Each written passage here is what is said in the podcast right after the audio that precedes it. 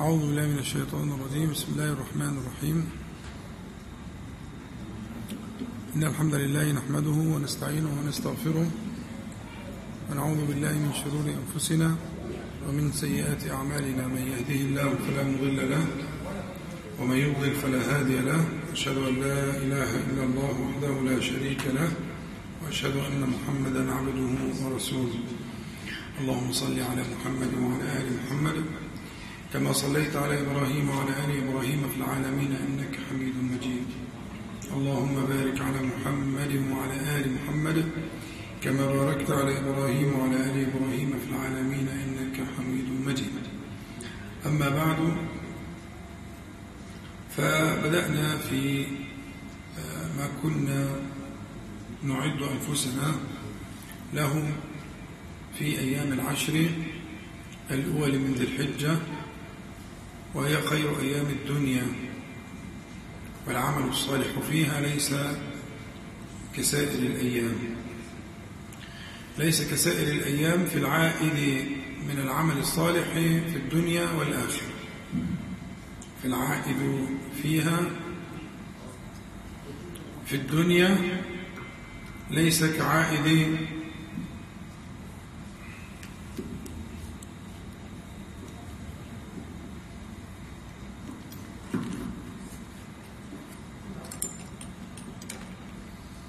ليس كعائد العمل الصالح في في كسائر العمل الصالح في الدنيا وكذلك في الآخرة. لماذا؟ لأنها أحب العمل إلى الله تبارك وتعالى.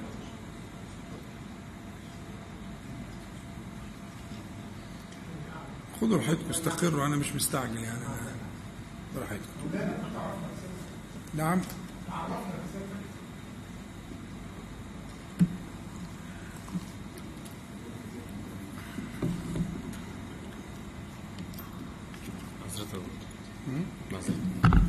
ولا يهمك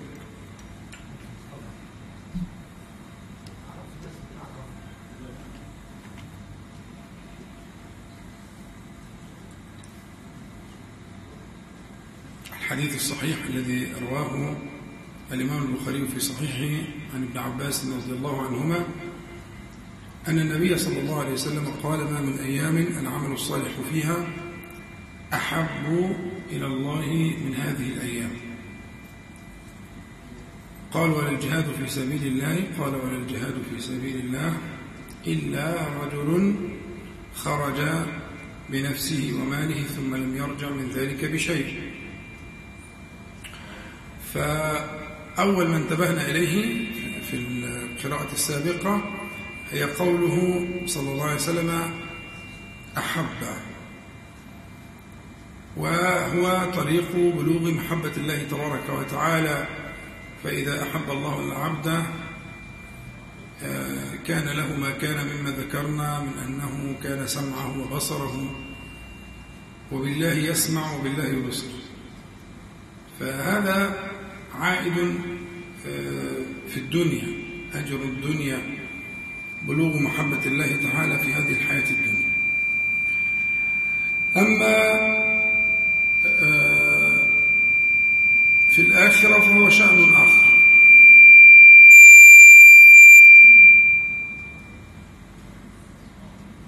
يعني بعمل كده كل مرة؟ صلى الله على النبي عليه الصلاة والسلام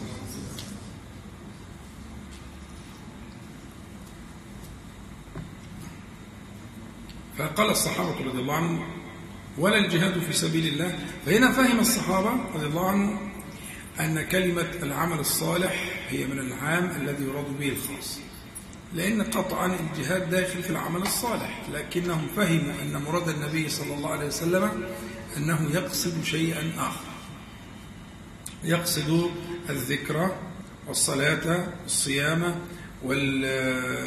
والصدقة يقصد ذلك فهموا ذلك بدليل أنهم راجعوا النبي صلى الله عليه وسلم فقالوا ولا الجهاد يعني في مقابلة ذلك. قال ولا الجهاد إلا رجل خرج بنفسه وماله ثم لم يرجع من ذلك بشيء. خرج بنفسه وماله هو في الحقيقة لنا وقفة سريعة كده استدراك على ما فات. هو قبل أن يخرج بنفسه وماله هو خرج من نفسه وماله. قبل أن يخرج في سبيل الله بنفسه وماله هو سبق ذلك بأن خرج من نفسه وماله. فكان ذلك لله.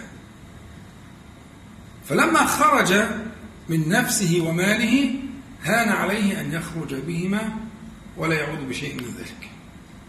وفي الحقيقة إن, إن السائر الله سبحانه وتعالى في هذه الأيام ربما ينبه النبي صلى الله عليه وسلم على الخروج من النفس والمال. الخروج من النفس والمال يعني أن تخرج آه، هذه المطامع وهذه الرغبات أن تخرج من القلب. فيخلو القلب عما سوى الله تبارك وتعالى. يأكل ويشرب ويبيع ويشتري ولكن ذلك لا يتسرب إلى قلبه أبدا.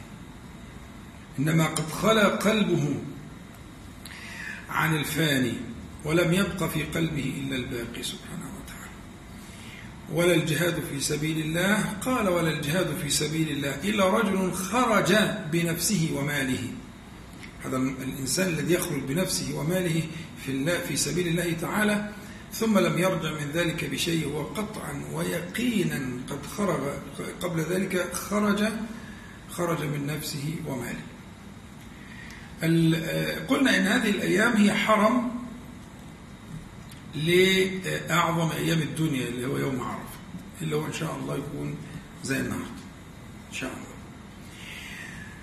أعظم أيام الدنيا على الإطلاق ولا يدنيه يوم ولا يشبهه يوم وهو يوم فوق كل الأيام حتى إن النبي صلى الله عليه وسلم قال آه، كما في صحيح الإمام مسلم صيام يوم عرفة أحتسب على الله تعالى أن يكفر السنة أن يكفر السنة التي بعده والسنة التي قبله. يعني هذا الحد نعم هذا الحد. وفي بعض العلماء الكبار المحققون يقولون ليس لذلك شبيه في الشريعة كلها، مفيش حاجة في الشريعة كلها تشبه كده. إن عمل آه، هو يسير أن يصوم المرء يوما. يترتب عليه مغفرة عام قبل وعام بعد.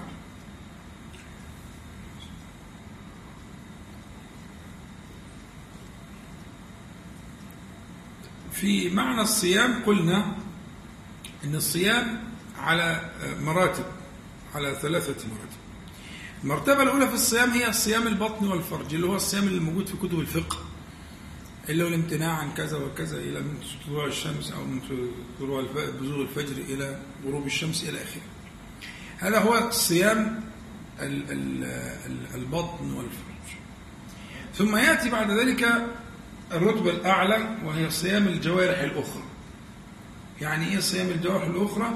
يعني صيام اللسان. وصيام العين وصيام الأذن. ألا هو الصيام اللسان له صيام نعم. ده كلام النبي عليه الصلاة والسلام.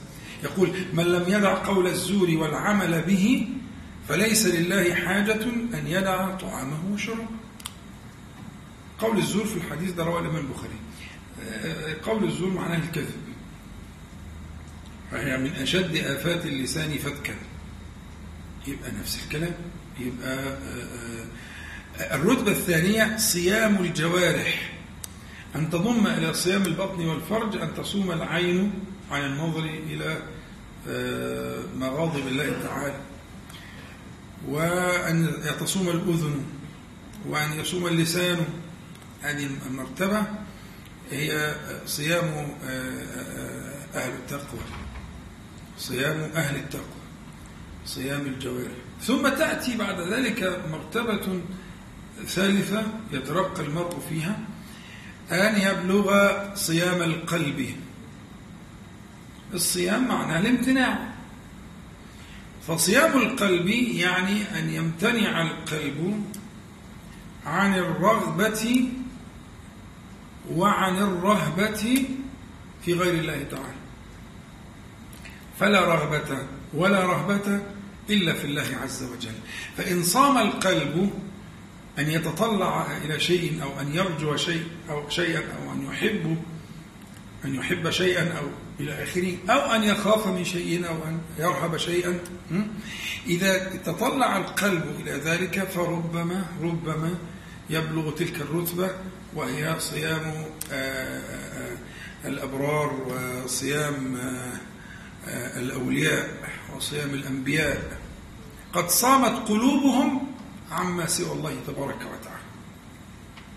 يبقى هذه الرتبة يبقى إحنا في أثناء الأيام اللي هي مقدمات وحرم ليوم عرفة لعلنا أن نجاهد أنفسنا في هذه الأيام صيام هذه الأيام لأنه صح من حديث حديث رواه أبو داود في سننه آه، من حديث آه، هنيدة ابن خالد أن النبي صلى الله عليه وسلم كان يصوم تسعة آه، ذي الحجة إلى آخر الحديث. لكن صح ذلك من من وصف حاله المشرف في حديث هنيدة عند أبي داود.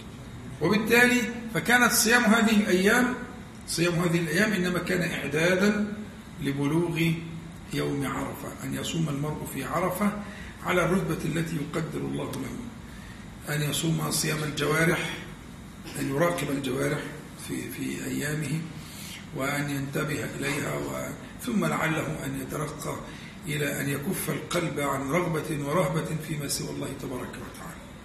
الشاهد أنه تدرج وترق حتى يبلغ قول الله تبارك وتعالى إلا الصوم فإنه لي. فخص الصوم بشيء ليس في سائر العبادات فيكون كذلك شأن خاص بينك وبين الله تبارك وتعالى لا يطلع عليه غير الله عز وجل. سيما لو ترقيت في رتب الصيام فكان آه، آه، جمعت إلى صيام البطن والفرج جمعت صيام الجوارح. ثم ترقيت فبلغت صيام القلب. لا شك أنه حينئذ يكون قوله تعالى في الحديث القدسي إلا الصوم فإنه لي. يبقى في الحديث قوله صلى الله عليه وسلم يكفر السنة التي بعده. الحديث البعده هو قبله قبله مفهومة يعني تكفير ما كان لكن بعده أهل العلم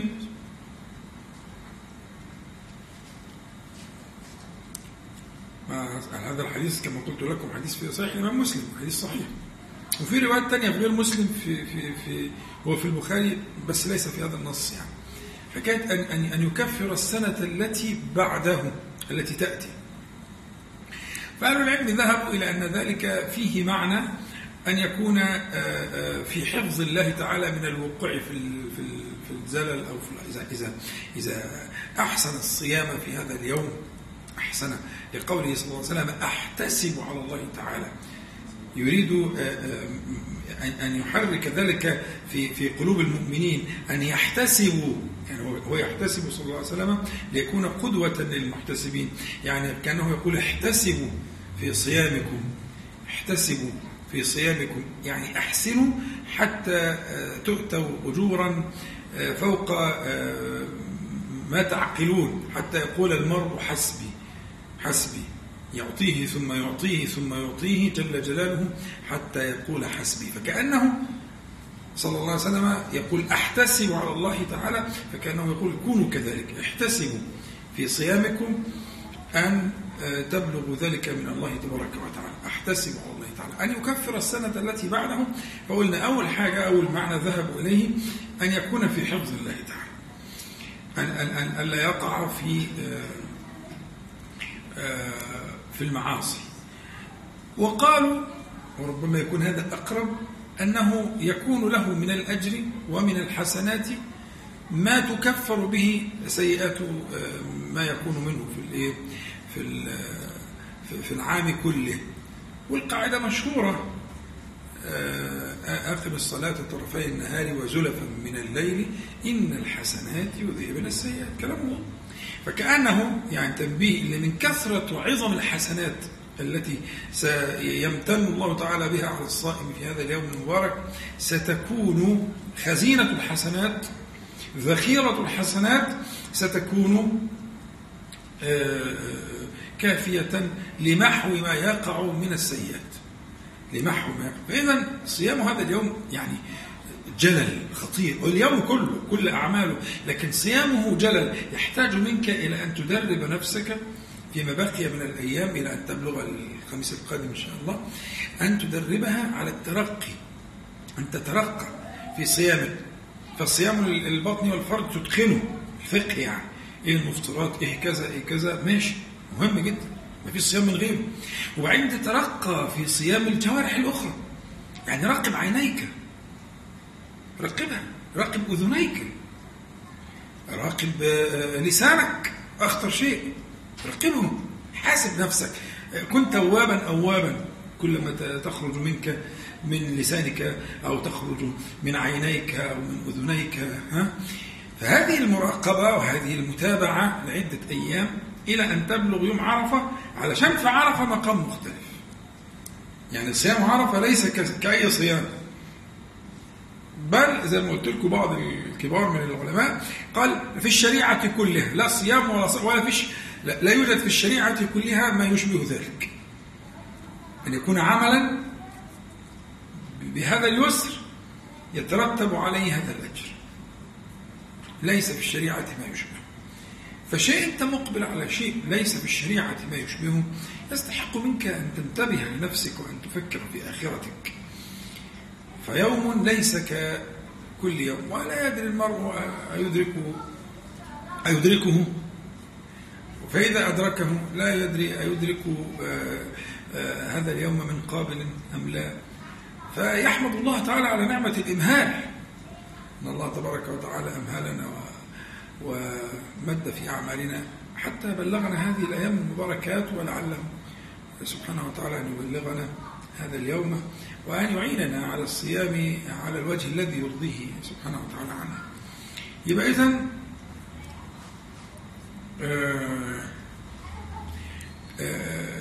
صيام يوم عرفة أحتسب على الله تعالى أن يكفر السنة التي بعده والسنة التي قبله.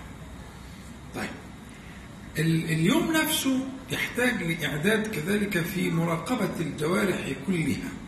يعني أنت زي ما قلنا أنت تحتاج إلى مراقبة الجوارح عشان الصيام وفي الحقيقة أنت تحتاج إلى مراقبة الجوارح من أجل اليوم نفسه. ففي في في قد صح أن النبي صلى الله عليه وسلم آه، جعل آه، بعض الصحابة رديفا له يعني يركب خلفه خلفه في ناقته في يوم عرفة. آه،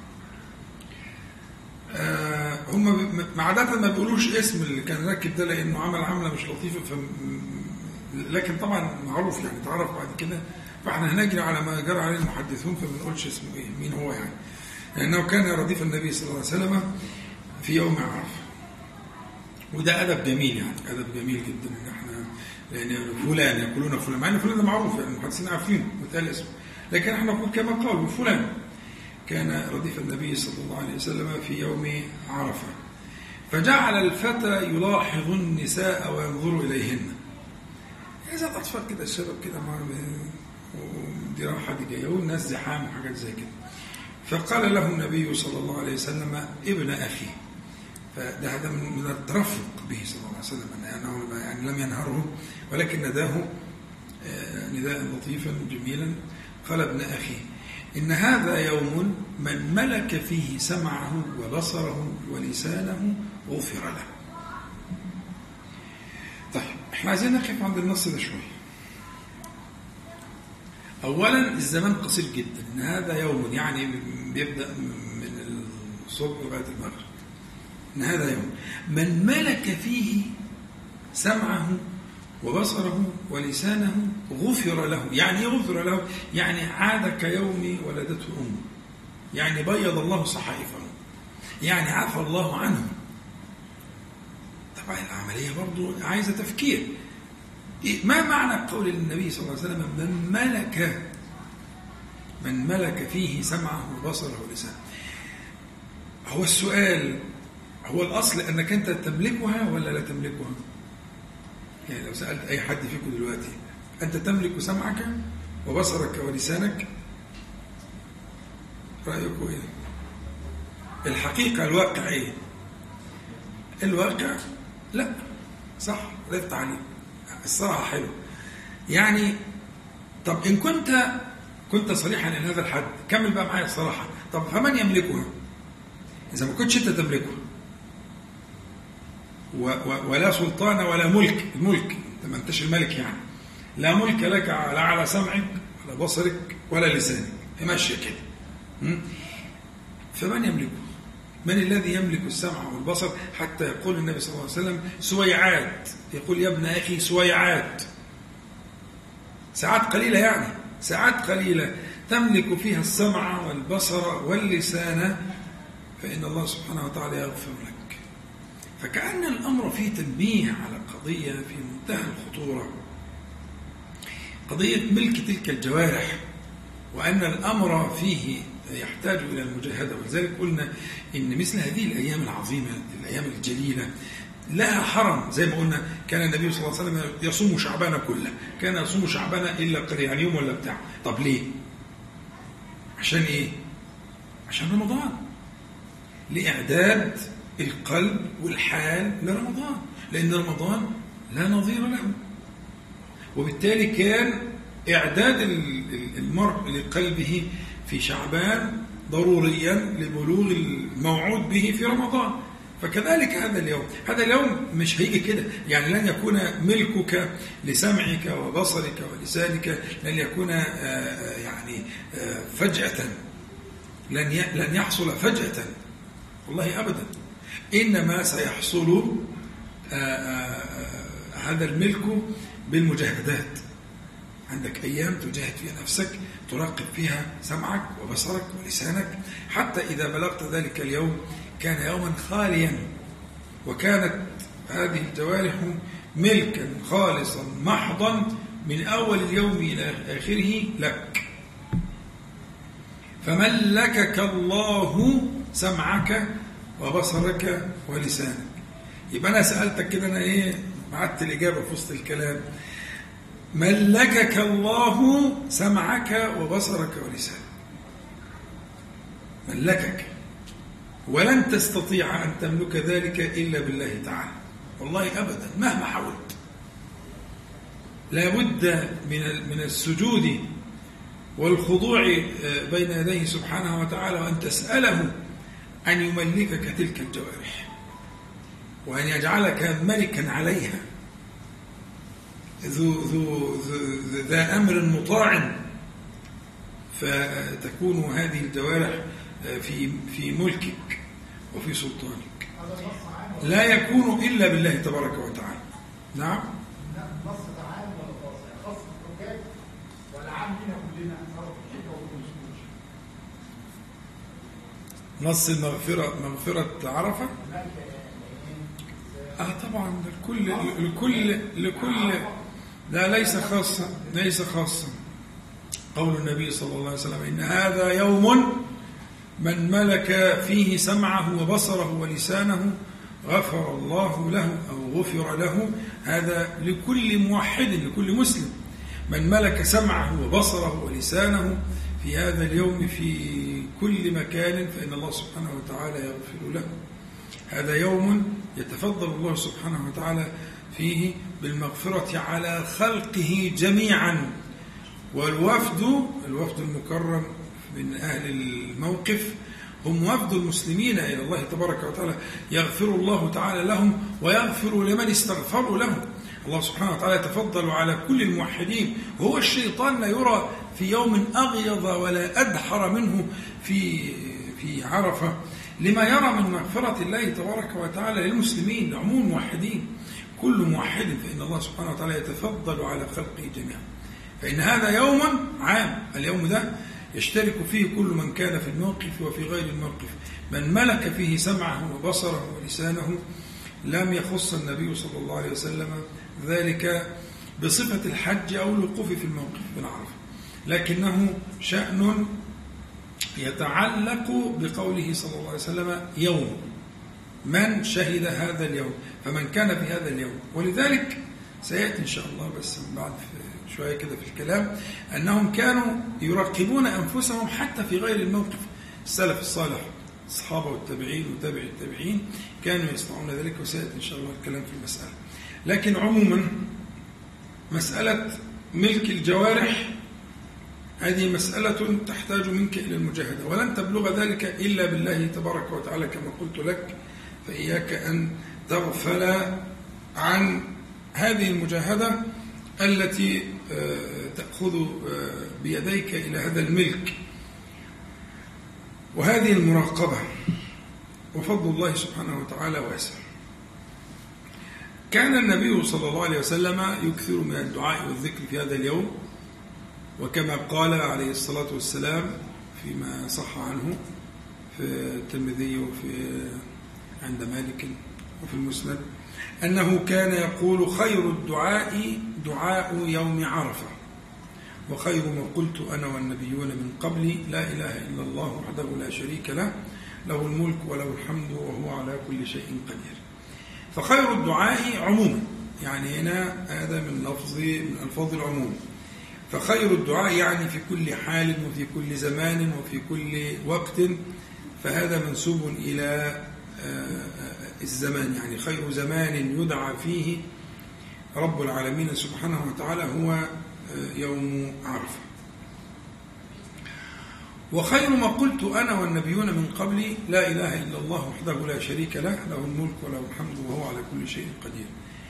بعض أهل العلم ذهب إلى أن هذا الكلام مضمن لمعنى الدعاء اللي هو قول القائل لا إله إلا الله وحده لا شريك له له الملك وله الحمد. بعد الإقرار بذلك يقول وهو على كل شيء قدير وكل ما تريده وما تسأل الله تعالى داخل في معنى شيء.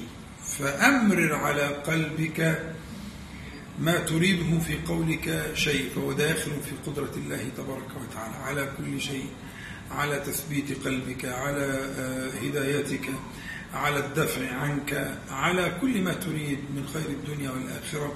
فإنه يدخل في قدرة الله تعالى وفي قوله صلى الله عليه وسلم على كل شيء قدير. في قوله تعالى صلى الله عليه وسلم له الملك وله الحمد. هذا تفرد يعني تفرد سبحانه وتعالى بتقديم الجر والمجرور يعني هذا تفرد في الملك تفرد بالملك سبحانه وتعالى وتفرد بالمحامد اللائقة به سبحانه وتعالى. آه، آه، كلمة التوحيد تكرارها كثيرا كثيرا في هذا اليوم مع تضمين ما, ما, ما, ما تسأل الله تبارك وتعالى ما ترجوه منه سبحانه وتعالى كلما قلت شيء على كل شيء على كل شيء مئات المرات تقول ذلك ولعل الله سبحانه وتعالى أن يتفضل عليك بما تريد. الأذكار عموما الذكر عموما في هذا اليوم وفي الحقيقة هو أعظم الوظائف في العشر أيام.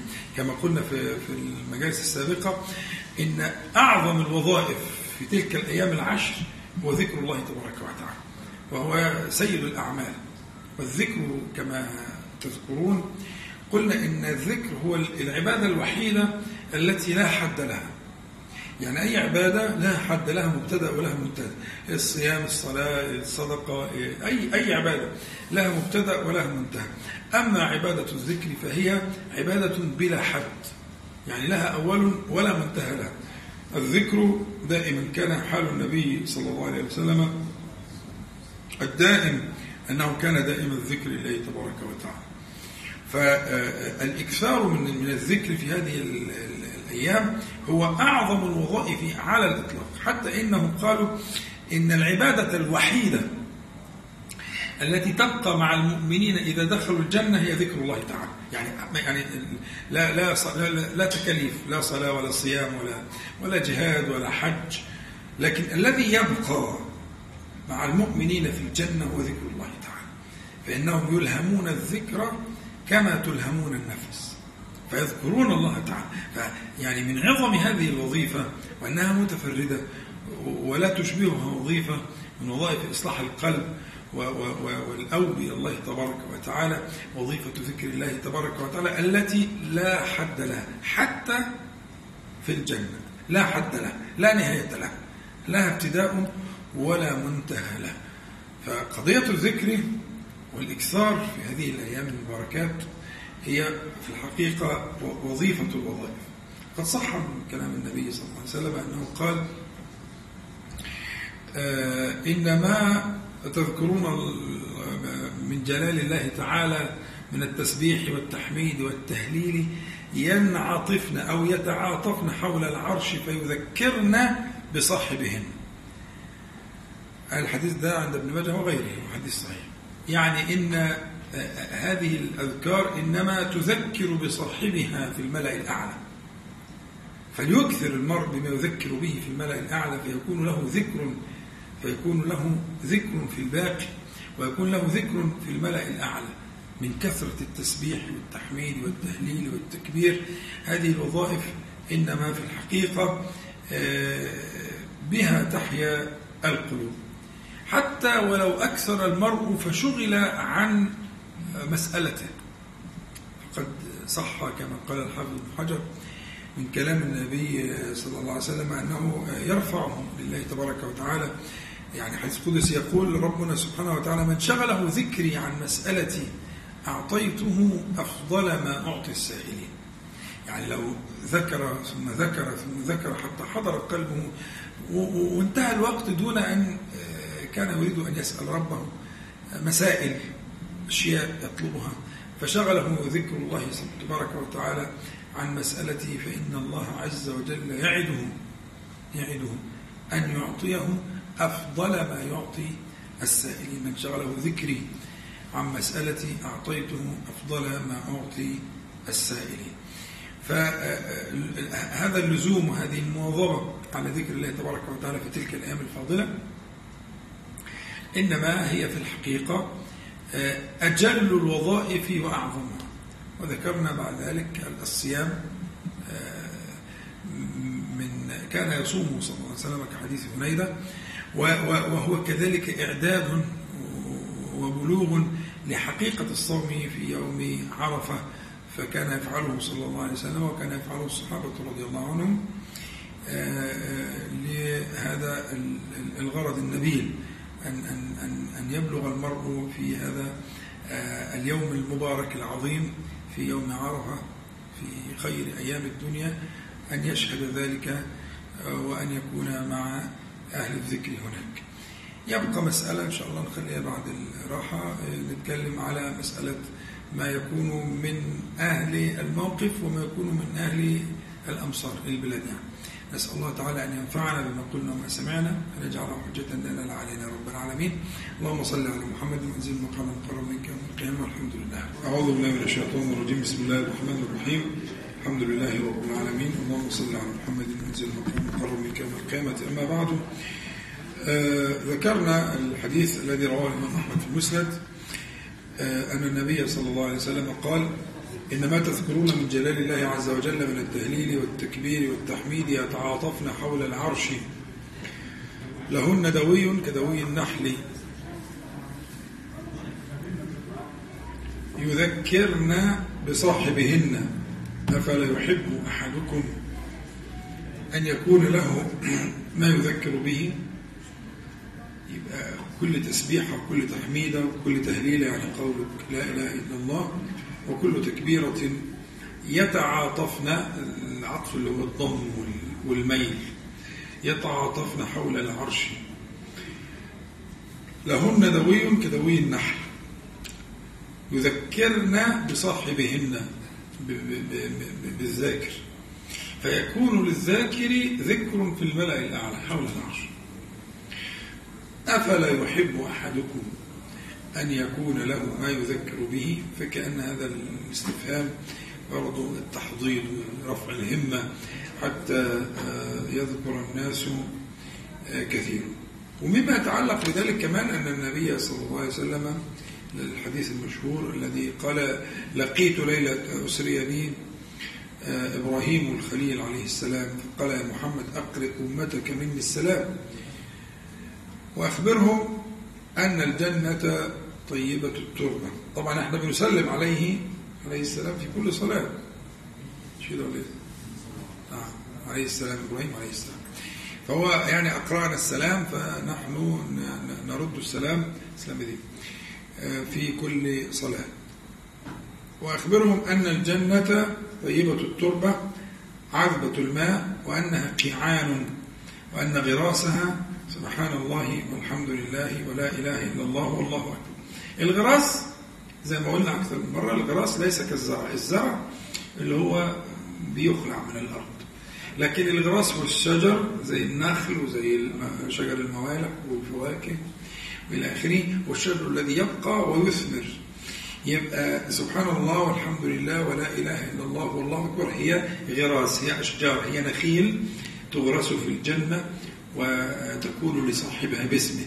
فكلما قال سبحان الله فتلك نخلة غرس شجرة.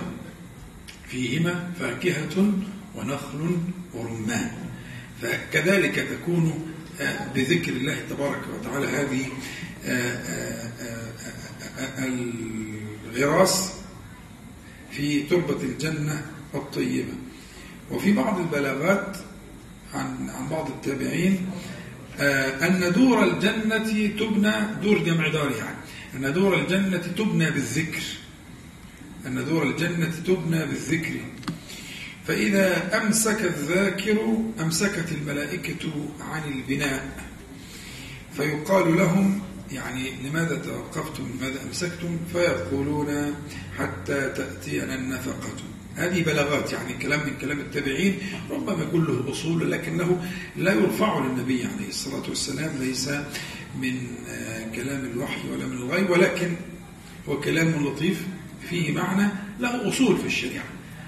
إنها يعني كما تكون يعني هي قريبة من حديث الحديث آه، إبراهيم عليه السلام هذا حديث صحيح.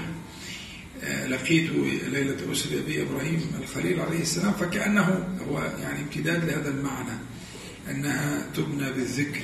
كذلك ما يكون فيها من الغراس والجنان والنعيم يكون بالذكر كثرة ذكر الله تبارك وتعالى.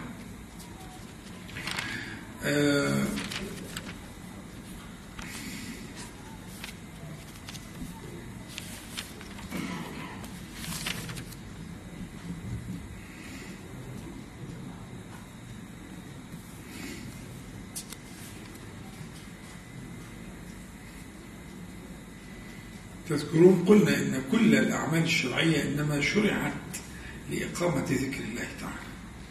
والعمل الذي يخلو عن ذكر الله تبارك وتعالى لا, لا حقيقة لا روح له. كما قلنا إن قول الله تعالى وأقم الصلاة لذكري فصلاة من غير ذكر الذكر اللي هو ضد الغفلة. يعني صلاة ملؤها الغفلة بدأت بالغفلة واستمرت بالغفلة وانتهت بالغفلة. أي صلاة تلك؟ أو ربما أسقطت الفريضة ولكنها لم تكن آه، هي التي آه، أرادها الله تبارك وتعالى من عباده لقوله وأقم الصلاة لذكري. يعني لتذكرني. وفي بعض التأويل لأذكرك. فإذا ذكرتني وهو في تلازم بين ذكرك لله تعالى وذكر الله تعالى كما قال فاذكروني أذكركم. هو في تلازم. يبقى أقم الصلاة لذكري لتذكرني فأذكرك. صحيح كلام صحيح بالقرآن. وأقم الصلاة. إن حقيقة الصلاة أن تذكرني فلا تنساني فلا تغفل عني الذكر. فغاية الأعمال وأشرف الأعمال هي الصلاة. غاية الأعمال ذكر الله تعالى. فتكون المجاهدة في هذه الأيام المباركات المجاهدة في تحصيل ذكر الله تعالى في الأعمال. فتذكر الله سبحانه وتعالى فيذكرك الله جل جلاله في ملأ خير ممن ذكرت فيه أو كنت وحيدا أو إلى آخره.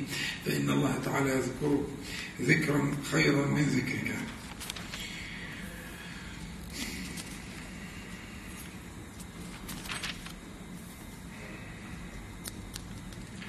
كذلك من المعاني المهمة أشرنا إليها قبل ذلك إن المواظبة المواظبة على ذكر الله تبارك وتعالى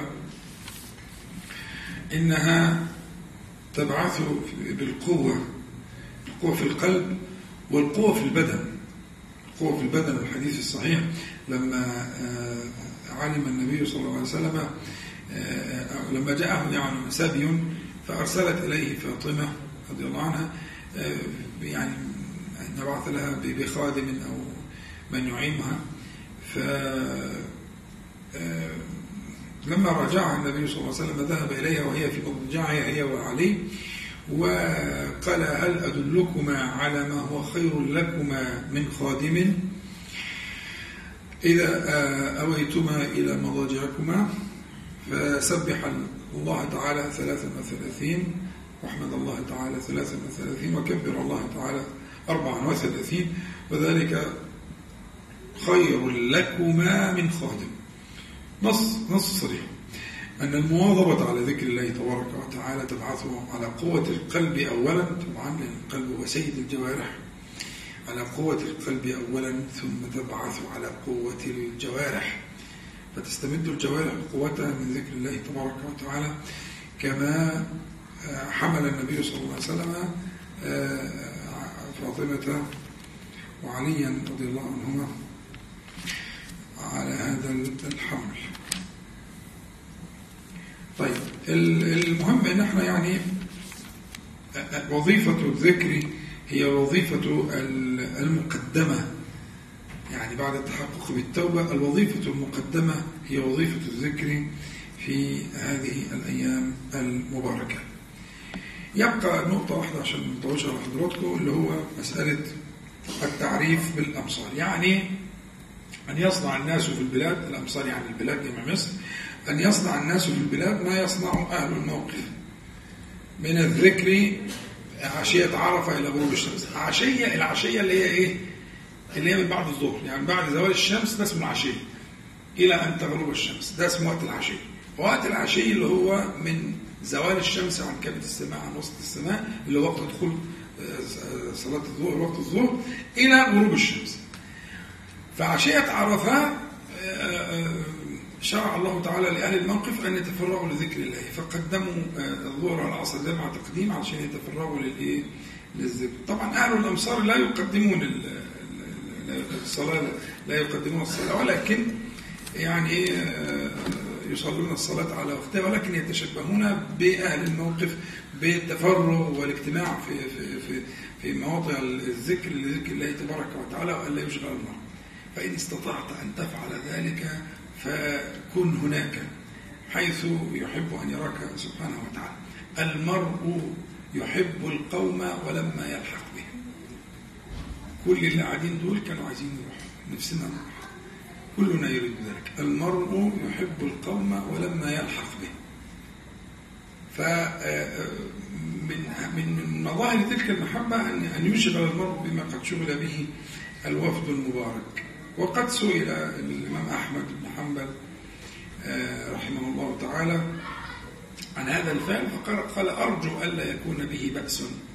أرجو أن لا يكون به بأس قد فعله غير واحد. وذكر ناس من التابعين كالحسن وثابت البناني محمد بن واسع إلى آخره وقال كانوا آه، يشهدون المسجد يوم عرفة. هذه المسألة مختلف بها بين الفقهاء والمسألة المختلف بها نرتقي فوق فمن شرح صدره لهذا الفعل فليفعل ومن لم يشرح فلا شيء عليه. لكن فليجمع قلبه حيث شاء في بيته في في, في, أي مكان يجمع قلبه على ذكر الله تبارك وتعالى من زوال الشمس إلى غروب الشمس.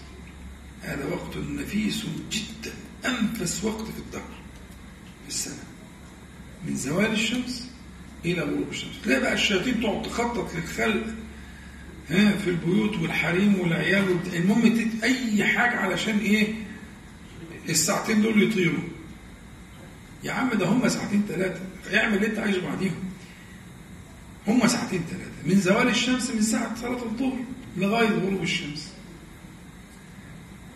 شوف لك أي مكان أي حتة أي ركن في البيت عندك في مسجد في أي حتة. واختلي بربك سبحانه وتعالى في السنة كلها الساعتين دول. اختلي به سبحانه وتعالى في السنة الساعتين دول. واحكي. آه. الظهر من زوال الشمس. زوال الشمس ده وقت وقت دخول صلاة الظهر.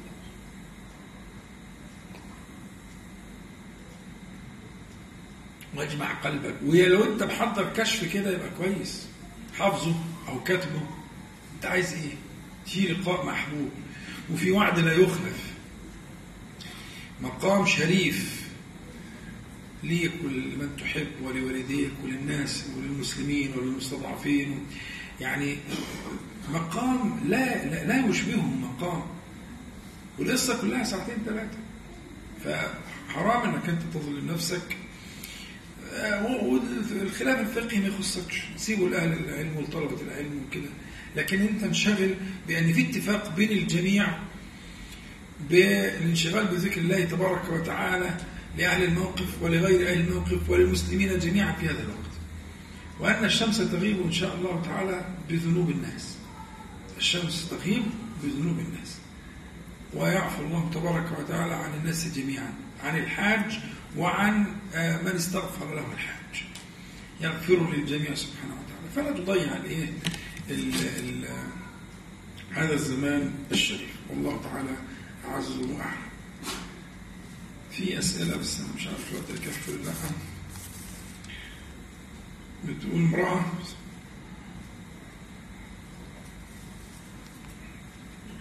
حاضت قبل سفرها إلى الحج وهي تنوي التمتع. وسوف تدخل من الحيض وهي في الطريق. فمن أين تنوي الإحرام؟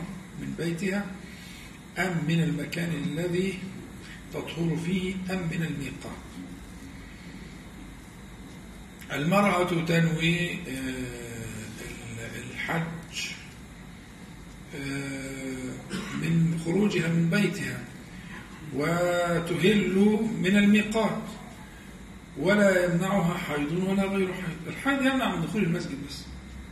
يعني المرأة التي تحج تفعل كل ما يفعل الحج إلا أن تطوف بالبيت بس فقط لا غير. إلا أن تطوف بالبيت. لكن كل أعمال الحج تفعلها المرأة. النفساء والحج تفعل كل شيء. ولا يمنعها الحيض من شيء. ولا يمنعها من ذكر الله تعالى. أما عقد النية فتعقد النية من من مخرجها من بيتها. وأما التلبية بالحج لبيك اللهم لبيك تكون من الميقات. فإن لم تعرف الميقات أو خشيت يكون من قبل الميقات ليس من بعد الميقات. يكون الإحرام والتلبية يا إما من الميقات إذا تيسر مثلا راكبين سيارة أو إلى آخره أو إذا كانت في طيارة أو كده نكون مجهزين أنفسنا من بيوتنا فإذا قيل لنا سنمر بالميقات بعد عشر دقائق بعد نصف ساعة إلى آخره فإذا حازينا الميقات لبينا بالحج كنا محرمين. فالإحرام الإحرام والتلبية تكون من الميقات أو من قبل الميقات لمن يخاف. هي معفية بقى. لا ما فيش ركعتين طبعا طالما حائض حائض أو نفساء فلا تصلي. لكن تفعل كل شيء إلا الصلاة ودخول المسجد الحرام. امرأة ذهب تذهب السفر من مصر لكن معها تأشيرة زيارة. تحرم من مصر أم من الرياض إما بأنها سوف تنزل ترانزيت فالمدة طويلة بلبس النقاب مسدلا. لا ليس أمرا شاقا يعني. ليس أمرا شاقا الأفضل للمرأة أن تحرم من بيتها. تحرم في الطيارة إزاي؟ صعب الإحرام في الطيارة. فيبقى هي تحرم من بيتها و... و... وليس الأمر شاقا والله أعلم. تحرم من بيتها. حتى لو عادت عدد ساعات الأمر يسير إن شاء الله. نعم؟ ما قالتش فيه. قالت سوف تنزل ترانزيت بس ما قالتش فيه. قالت في المدة طويلة. حتى لو كان المسألة بتتكلم على السدل على وجهها فالأمر قريب إن شاء الله. مفيش مشقة. ليس هناك لا أجد مشقة في هذا الفعل بالنسبة للمرأة والله أعلم. هل جائز رفع البيشة عن وجهها حتى لا تعرف أنها ذاهبة إلى الحج؟